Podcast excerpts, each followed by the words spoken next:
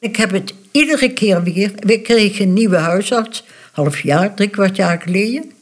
En toen dacht ik, oh god, alweer iemand. En die, die weet natuurlijk een heleboel van alle kwaaltjes die ik heb. Die moet op een gegeven moment toch weten dat ik met een vriendin leef. Hoe doe ik dat? En die man is me eigenlijk tegemoet gekomen door te zeggen van... oh, u bent mevrouw Rumgens en pup, pup, pup. Zo allerlei gegevens. En u woont samen met een vriendin, zie ik. Duizend kilo viel er van me af. En ik zei het ook tegen hem. Ik zeg, u moest eens weten hoe belangrijk het voor me is... dat u me die hand toereikt. Aan het woord is Magda Rumgens, 85 jaar. We spreken haar aan haar eigen keukentafel. Zij is lesbisch, maar pas op latere leeftijd ontdekt ze dat ze op vrouwen valt. Ze heeft alles zelf moeten uitvinden op dat vlak. Nu heeft ze een missie.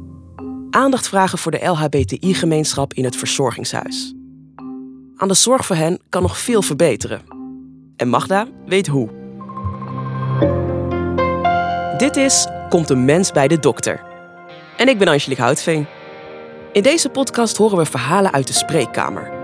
Intieme, ontroerende en opzienbarende verhalen. Van mensen die lang niet altijd de hulp krijgen die ze nodig hebben. Magda heeft op haar 85ste een druk bestaan. Ze is slechterbeen, maar dat weerhoudt haar er niet van om aan het werk te blijven. Zij woont samen met Mien, haar grote liefde. De twee zijn al meer dan 40 jaar gelukkig samen. Magda's levensloop heeft veel overeenkomsten met die van andere lesbische vrouwen van haar leeftijd. Haar generatie groeide op met een groot taboe. Nee, bestond niet. Tussen aanhalingstekens. Hè. Maar deze wereld, deze vorm van liefhebben, die bestond niet in mijn beleving. Voordat Magda openlijk als lesbische vrouw door het leven gaat, is er al heel wat gebeurd. Ze groeit op in het zuiden van het land bij conservatieve ouders. Daarna wordt ze opgeleid tot leerkracht en gaat met plezier in het onderwijs werken. Tot ze een leuke meneer tegenkomt. Toen ik trouwde met een meneer, toen uh, was het nog gebruikelijk dat je het ontslag kreeg op je trouwdag of vlak daarvoor. En uh, ik heb toen, net zoals zeg maar mijn leeftijdgenoten, dat uh, ontslag geaccepteerd, maar ook gewoon gevonden. En ben in de rol van huisvrouw en moeder gestapt. We hebben drie kinderen gekregen en dat was eigenlijk heel leuk. Maar ik heb me al heel vroeg de vraag gesteld: is dat het nou? Van binnenuit, mijn hele opvoeding, mijn hele leefwereld was het beeld van de traditie. Huisvrouw, moeder en uh, daarna houdt het leven op. Tenminste, als je heel oud mag worden. Dat ze wel eens lesbisch zou kunnen zijn, komt niet in Magda op.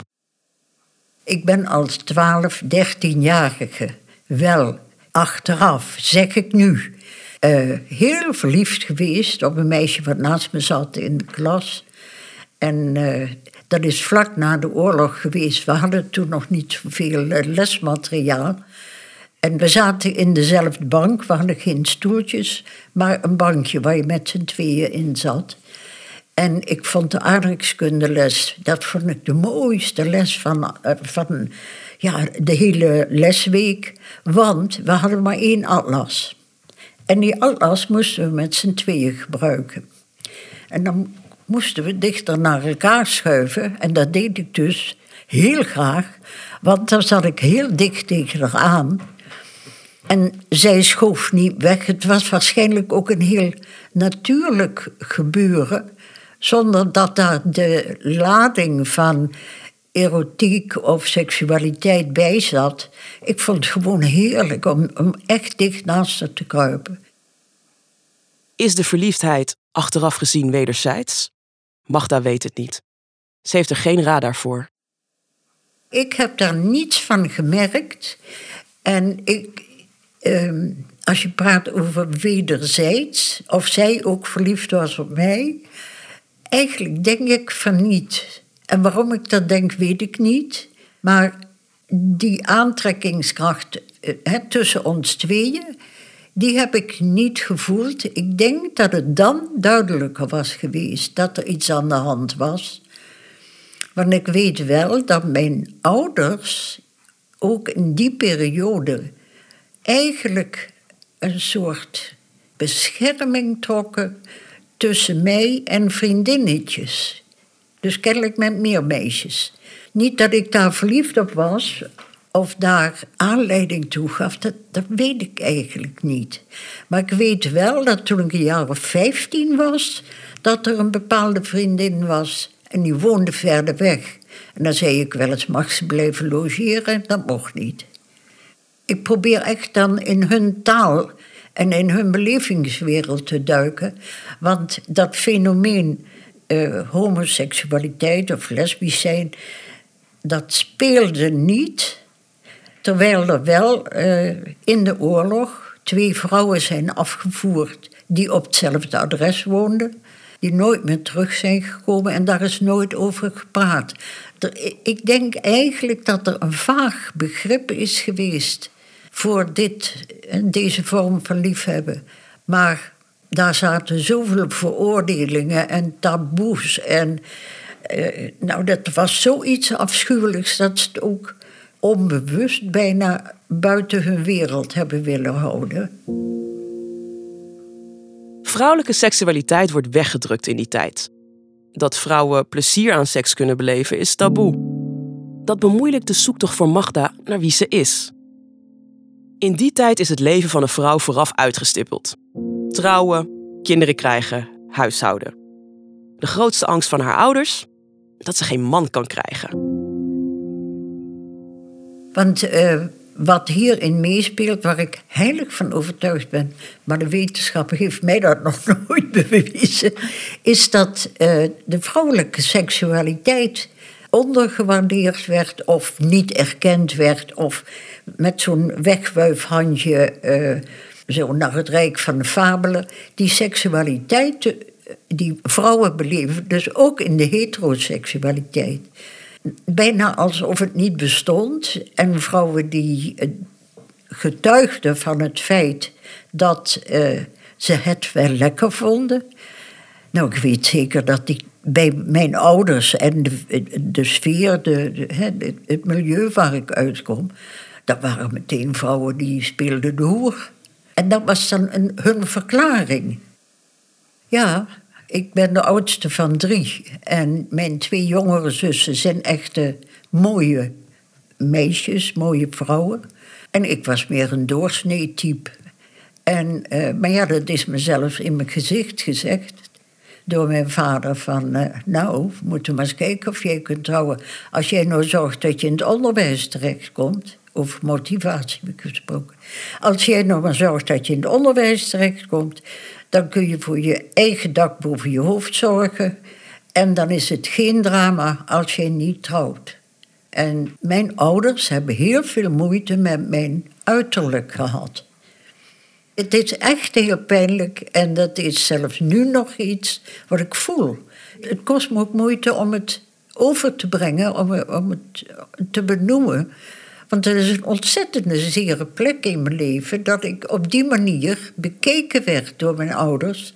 En mijn vader sprak het uit en mijn moeder bevestigde het door enorme, dus met kleding te zorgen. Want niks zat kennelijk goed bij mij. En dan moest hier nog een naadje of daar nog een knoopje. Magda wil niet vertellen hoe haar eerste relatie met een man ontstaat. Om zijn privacy te beschermen. Kort gezegd, met haar aanstaande echtgenoot kan ze het goed vinden. Ze ziet geen beren op de weg. Als ze 26 jaar is, trouwt ze met hem. Ik vond heel alle aandacht die ik van hem kreeg en de manier waarop we met elkaar omgingen.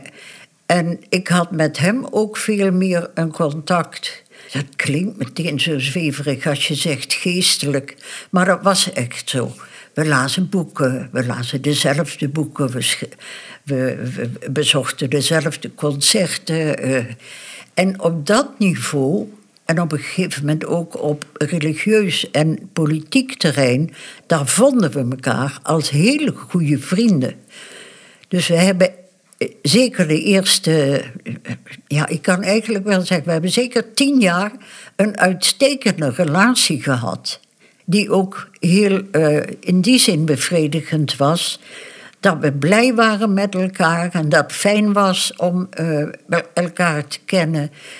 Uh, toen we kinderen kregen, toen had ik een hele lieve, warme maat die naast me stond. Zeker de eerste jaren. Ik moet wel zeggen dat we van tussen ons tweede en derde kind hebben we nog een kindje gehad. Die is overleden, was een ziek kindje een hartkwaal. En dat overlijden, daar is onze breuk ontstaan. En dat is eigenlijk het moment waarop we ook andere wegen in, in denken en voelen. Dat is de start geweest daarvan. Dat overlijden, we konden elkaar niet meer bereiken. Nee, het was heel, heel verdrietig. Hij trok zich helemaal terug in zichzelf. En ik schreeuwde om aandacht en, en had hem verschrikkelijk hard nodig. En hij kon dat niet. En dat is, uh, dat is echt een heel verdrietig punt geweest. De verwijdering is blijvend. Na een jaar of acht durft Magda het aan om te gaan scheiden. Gevoelens voor vrouwen spelen niet mee. Dat komt later. Dat was uh, slapend in die zin dat ik uh, heel veel. Ik was heel actief in de vrouwenbeweging. Ik ben lid geweest van Man-Vrouw Maatschappij. Een van de.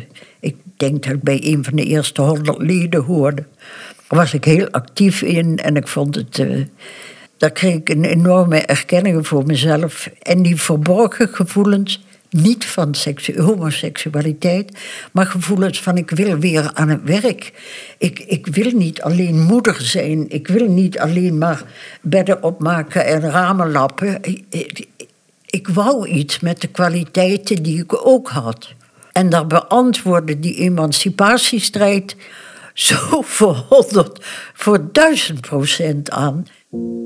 Ze zit nog midden in de scheiding, met al het geregel en alle ellende van dien. Dan komt er op haar 41ste een nieuwe liefde in Magda's leven. Een keerpunt.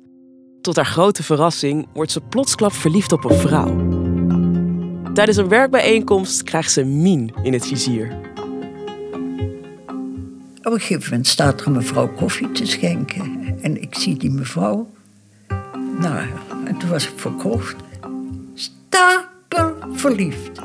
Gewoon dat gebaar van koffie schenken, de houding.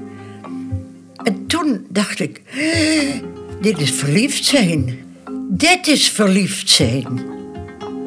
En dan krijg je die uitdrukking vlinders in je buik en dat soort gekriebel allemaal.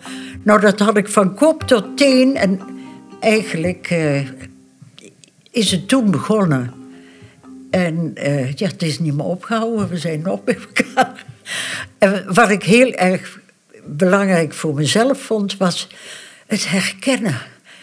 Oh, dat had ik als kind. Dat had ik, want ik ben na de hand nog wel eens op een ander meisje verliefd geweest, zonder dat ik wist dat het zo was. Maar toen ik Min ontmoette en voelde wat ik voelde, toen dacht ik, jeetje, maar ik weet best wat verliefd zijn is. Ik ben het alleen op deze manier nooit geweest. De liefde sleept Magda door een moeilijke periode. Haar man is altijd een betrokken vader geweest. Maar hij heeft al snel een ander en gaat aan de andere kant van het land wonen. De opvoeding komt op haar neer. Ze heeft veel zorgen om de kinderen.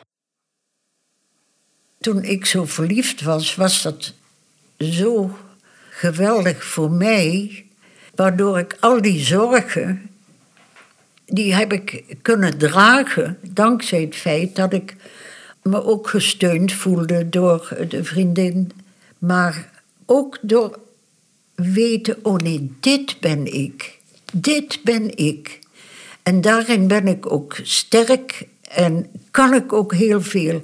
Want ik heb nooit getwijfeld aan uh, dit, deze manier van voelen. Vanaf dat ik wist, dit is het. Zo zit jij gewoon in elkaar. En wat de hele wereld denkt, dat denken ze dan maar. Dat zoeken zij maar uit, maar ik weet dat het zo klopt. Samenwonen met een vrouw is dan nog niet aan de orde. Zover is mag dan nog niet. De kinderen denken in het begin dat Mien gewoon een goede vriendin is.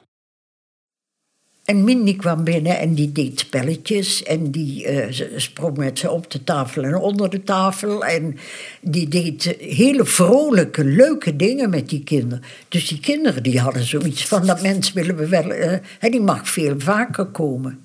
En ik denk dat met name de oudste wel iets door heeft gehad. Dat is een hele wijze... was toen een heel wijs kind... Maar daar is in die zin niet over gepraat, totdat er een keer gezegd is: Mama, je hebt wel een bijzondere vriendin. Het vond ik zo'n mooie omschrijving. Ja, zeg, ik heb een bijzondere vriendin. En die blijft ook wel eens slapen, hè? Ja, die blijft hier slapen. Hoe vinden jullie dat? Oh, fijn, fijn, want dan kunnen wij spelletjes met ze doen. Min blijft voor de jongste twee de goede vriendin die leuke spelletjes met hen doet. Maar op een gegeven moment beginnen ook zij door te krijgen dat het meer is dan vriendschap. Maar dat begin is heel leuk geweest. En toen ze op een gegeven moment besefte wat er aan de hand was. Want daar is bij de afwas, weet je wel, tijdens het uh, gebruiken van de theedoek, werd dan wel eens gezegd van, uh, je houdt wel veel van Mien, hè? Ja, ik hou veel van Mien. En Mien houdt veel van mij. En op school is voor de eerste keer het woord lesbisch gebruikt. Dat heb ik dus thuis niet ingevoerd, omdat ik bang was dat ze daarmee een lading op zich kregen waarvoor ik hun eigenlijk wilde beschermen. Dat kun je niet, hè? want ze zijn op school en de buren die hadden er heel veel moeite mee. Daar is echt het zinnetje gezegd. Uh, zo gooit die vent, letterlijk, hè? Ze gooit die vent eruit en ze haalt een wijf erin. Leuk, hè? Een keurig nette buurt met allemaal hele nette mensen. Maar goed, ook dat gebeurt. Als Magda in het ziekenhuis ligt voor een operatie, staan haar ouders voor de deur. Mien is thuis met de kinderen en doet de deur open. Daarna volgt een ijzig bezoek aan het ziekenhuis. Ja, dat vergeet ik nooit meer. Ze kwamen met z'n vieren. Mijn twee zussen kwamen ook mee. En mijn vader liep voorop. En achter uh, hem mijn moeder. Nou, het was alsof er een, uh, een bevroren gezelschap naar binnen kwam. Dat zij in shock waren, snap je nu. Maar ik lag met een vrij pittige operatie en uh, heb daar helemaal niet op deze manier bij stilgestaan. Het was verschrikkelijk. En uh, na een uurtje zijn ze ook weggegaan. En toen ik een paar weken daarna thuis was, is er alleen telefonisch contact geweest. En op een bepaald moment heeft mijn vader de telefoon overgenomen en gezegd: uh, Mag, ik heb een uh, serieuze boodschap voor je. Kom aanstaande zaterdag eens een keer naar Kerkrade toe. Wij willen met je praten. Nou ja, toen heb ik gezegd: Papa, wat is er aan de hand? Uh, ben je boos op me? En toen zei hij: Er is iets heel vreemds gaande. Wat doet die juffrouw bij jou daar in huis? En uh, als ik dat dan zeg, dan denk ik: Het is toch te gek voor. Maar voor hun was het een vreemde juf. Maar ja, terwijl het mijn geliefde was. Verschrikkelijk. We hebben ruzie gekregen aan de telefoon. Dat heeft vijf jaar geduurd. Ik heb uiteindelijk een brief geschreven. En daar hebben ze godzijdank goed op gereageerd. Mijn moeder belde huilend op. Mag, wat een lieve brief en zo blij. Papa vindt het ook goed als jullie samenkomen. Dat is, ja, is zo'n belangrijk moment geweest. Dat mijn ouders weer in staat waren om de deur te openen voor ons tweeën. De eerste keer dat Magda samen met haar vriendin bij haar ouders op bezoek gaat, neemt haar vader Mien meteen mee naar de voorkamer. Om over mannenzaken te praten, zoals auto's. Stereotyperend. Maar Magda vindt het tegelijkertijd heel roerend. Het is zijn manier van het accepteren. Er vloeien tranen die dag. Sindsdien leeft Magda openlijk samen met een vrouw.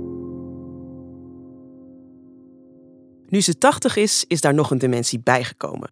Ze zet zich in voor roze ouderenzorg. Samen met collega's reist ze door het land met de Tour d'Amour. Een ludieke manier om aandacht te vragen voor een serieuze kwestie. Een van de belangrijkste dingen die ik eigenlijk ontdekt heb, is dat oudere lesbiennes, homo's, transgenders en alle mensen die bij deze community horen, dat die in de wereld van de verzorging, zodra oud worden, ook handicaps met zich meebrengt en je dus in die wereld van de verzorging terechtkomt, daar zijn we een onbekende, een onbenoemde groep. Terwijl je zou zeggen, in deze tijd, we hebben toch heel veel bereikt. homo zijn is niet meer dat wat het vroeger was. Eigenlijk is dat een soort startpunt geweest voor een van de activiteiten waar ik op dit moment ook het drukste mee heb. En uh, we zijn dus een, uh, zeg maar een tour gestart, de Tour d'Amour. En daarin gaan wij zowel naar verzorgings- en verpleeghuizen. Maar we uh, worden ook gevraagd op HBO-opleidingen, mensen voor, die in de zorg of in de hulpverlening terechtkomen, om die erop te wijzen dat wij, roze mensen, er zijn. Tijdens deze lessen aan toekomstige verpleegkundigen, fysiotherapeuten en huisartsen legt Magda uit hoe ze lesbische vrouwen op hun gemak kunnen stellen en hen beter van dienst kunnen zijn. Haar generatiegenoten zijn gewend om hun seksuele oriëntatie te verbergen, om altijd op hun hoede te zijn. Zelfs Magda betrapt zich er nog altijd op terwijl ze er notabene haar werk van heeft gemaakt om aandacht te vragen voor dit taboe. Ik ben uh, jaren lid geweest van een zwemgroep voor ouderen. Hè, met speciaal aangepaste uh, oefeningen, weet ik veel. Ik zei, het heeft me maanden gekost. Als het zwemmen afgelopen was, gingen we altijd koffie drinken samen. En ik deed daaraan mee, omdat ik het ook wel gezellig vind. Maar je hoort, ik, hoor mijn eigen stem alweer aarzelen. En, maar ik zat daar met een, een, ja, echt een gevrongen, akelig, benauwd gevoel. Het zat echt tot hier. Ik, het kneep helemaal dicht. Ik heb daar met wat mensen over gepraat. Hè, dus in mijn eigen omgeving. En iemand zei, wat moet je nou doen om daar nou heen te komen? Ik zeg, ik moet gewoon een keer zeggen. Al zeg ik maar dat ik bang ben om te vertellen. En ik heb dus de eerstvolgende keer... Die zwemles, die, ik kreeg helemaal kramp omdat ik bang was voor dat moment. Toen zei ik, jongens, ik wil jullie eigenlijk iets vertellen... waar ik een beetje moeite mee heb. Oh, zegt de mevrouw naast me, doe niet zo moeilijk. Je wil zeker zeggen dat je een vriendin hebt. Nou, ik was met stomheid geslagen. Dat weten we toch al lang. Nou, ik zal je eerlijk zeggen, ik heb me geschaamd voor mezelf. Ook in de zorg loopt Magda hier tegenaan. Net als haar generatiegenoten. Ze durft niet goed kenbaar te maken dat ze lesbisch is. Een arts die haar tegemoet komt, dat helpt. Ik heb het iedere keer weer. We kregen een nieuwe huisarts, half jaar, drie kwart jaar geleden. En toen dacht ik, oh god, alweer iemand. En die, die weet natuurlijk een heleboel van alle kwaaltjes die ik heb. Die moet op een gegeven moment toch weten dat ik met een vriendin leef. Hoe doe ik dat? En die man is me eigenlijk tegemoet gekomen door te zeggen van... oh, u bent mevrouw Rumgens en pup, pup, pup. Zo allerlei gegevens. En u woont samen met een vriendin, zie ik. Ah, duizend kilo viel er van me af. En ik zei het ook tegen hem. Ik zeg, u moest eens weten hoe belangrijk het voor me is dat u me die hand toereikt. Want ik heb met hem erover gehad hoe bevrijdend het voor me was. Ik zeg, u moest eens weten, er valt duizend kilo van me af. En dan denk ik, heerlijk als we een generatie krijgen die ervan uitgaat dat er allerlei mogelijke vormen van liefde kunnen bestaan. Want waar ben je bang voor? Je bent bang om weer veroordeeld te worden. Terwijl ik dat niet eens persoonlijk heel erg heb meegemaakt. Behalve dat mijn ouders, want dat is echt het ergste geweest. We zijn er niet, we zwijgen, we weten er geen raad mee. Uh, en dat geldt niet voor iedereen. En er zijn genoeg, ook oudere homo's, met name homo's, die er makkelijk voor uitkomen. Magda's levensloop staat symbool voor lesbische vrouwen van haar generatie. Opgegroeid in een conservatief milieu, getrouwd, kinderen gekregen. Ze is gewend zich aan te passen aan een heteronormatieve maatschappij. De schaamte en angst voor afwijzing zijn nooit verdwenen. Het is een tweede natuur geworden, een manier van overleven om haar ware aard te verbergen. Dit maakt lesbische vrouwen veelal onzichtbaar in de ouderenzorg. Ze maken zich immers niet kenbaar. Maar er is wat aan te doen. Bij de intake, die eeuwige vraag van... Uh, wie bent uh, mevrouw dat? En wie is uw man? In mijn geval zeggen ze ook, leeft uw man nog? Nou, dan word ik eigenlijk wit heet. Is goed dat ik tegenwoordig wat kwaaier durf te worden, want dan durf ik het misschien ook eerder aan te kaarten. Maar in principe moeten ze niet meer praten over leeft je man nog, maar moeten ze leren zeggen, leeft uw partner nog? Bent u al lang samen met uw partner? En via die weg ingaan op de feitelijke situatie. Want er zijn ook oudere mensen, ook van mijn generatie, die dat niet willen zeggen. Het is echt heel moeilijk als een man zegt: Hij is mijn vriend, dan denk je eerder aan: Oh, dat is een aparte relatie, dan een vrouw die zegt: Zij is mijn vriendin. Om LHBTI-personen te laten weten dat zij welkom zijn en geaccepteerd worden, bestaat sinds 2010 de Roze Loper. Een keurmerk speciaal voor zorg- en welzijninstellingen. Iets dat volgens Magda echt waardevol is. Het is maar een klein symbool, de roze loper en een sleutel, een roze sleutel, waaruit eh, eh, uit hun handelingen en uit hun notities en de beleidsstukken blijkt dat ze homovriendelijk zijn. Wat ik heel opvallend vind, en dat uh, is ook een vraag die regelmatig terugkomt als we met Tour d'Amour bezig zijn, dat wij vragen: hangt hier een regenboogvlag? Bij die huizen hangen heel vaak vlaggen.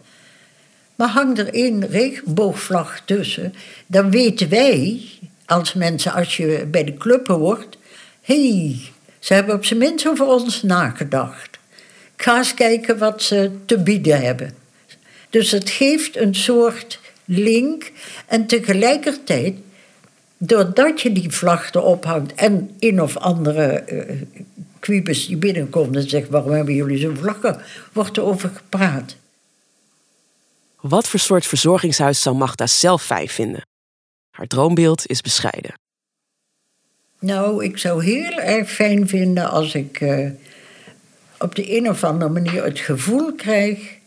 oh, hier kan ik gewoon een foto van Mien hangen. Ik zal niet gewoon een hart werken of zoiets, dat past niet bij me. Maar die foto is dan toch wel iets bijzonders.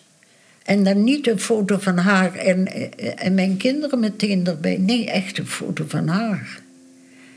En dat ik niet bang of me onzeker voel als dan iemand binnenkomt. En zegt, oh, mooie foto. Is dat een vriendin van vroeger of zo? Ik zou eigenlijk willen dat diegene eigenlijk al aanvoelt... dat is op jouw manier iets bijzonders geweest. Magda is er trots op dat ze als boegbeeld fungeert. Ze blijft dit werk doen tot ze erbij neervalt. Ik ben er trots op. Ik ben er ook blij om. Weet je, ik ben bijna 85 en ik kan dat nog. En soms ben ik er heel verbaasd over, ook als, als je een compliment kijkt of zoiets. Dan denk ik, ja maar jongens, het is zo'n voorrecht dat ik dit nog kan doen. Je hoorde Magda Rumgens.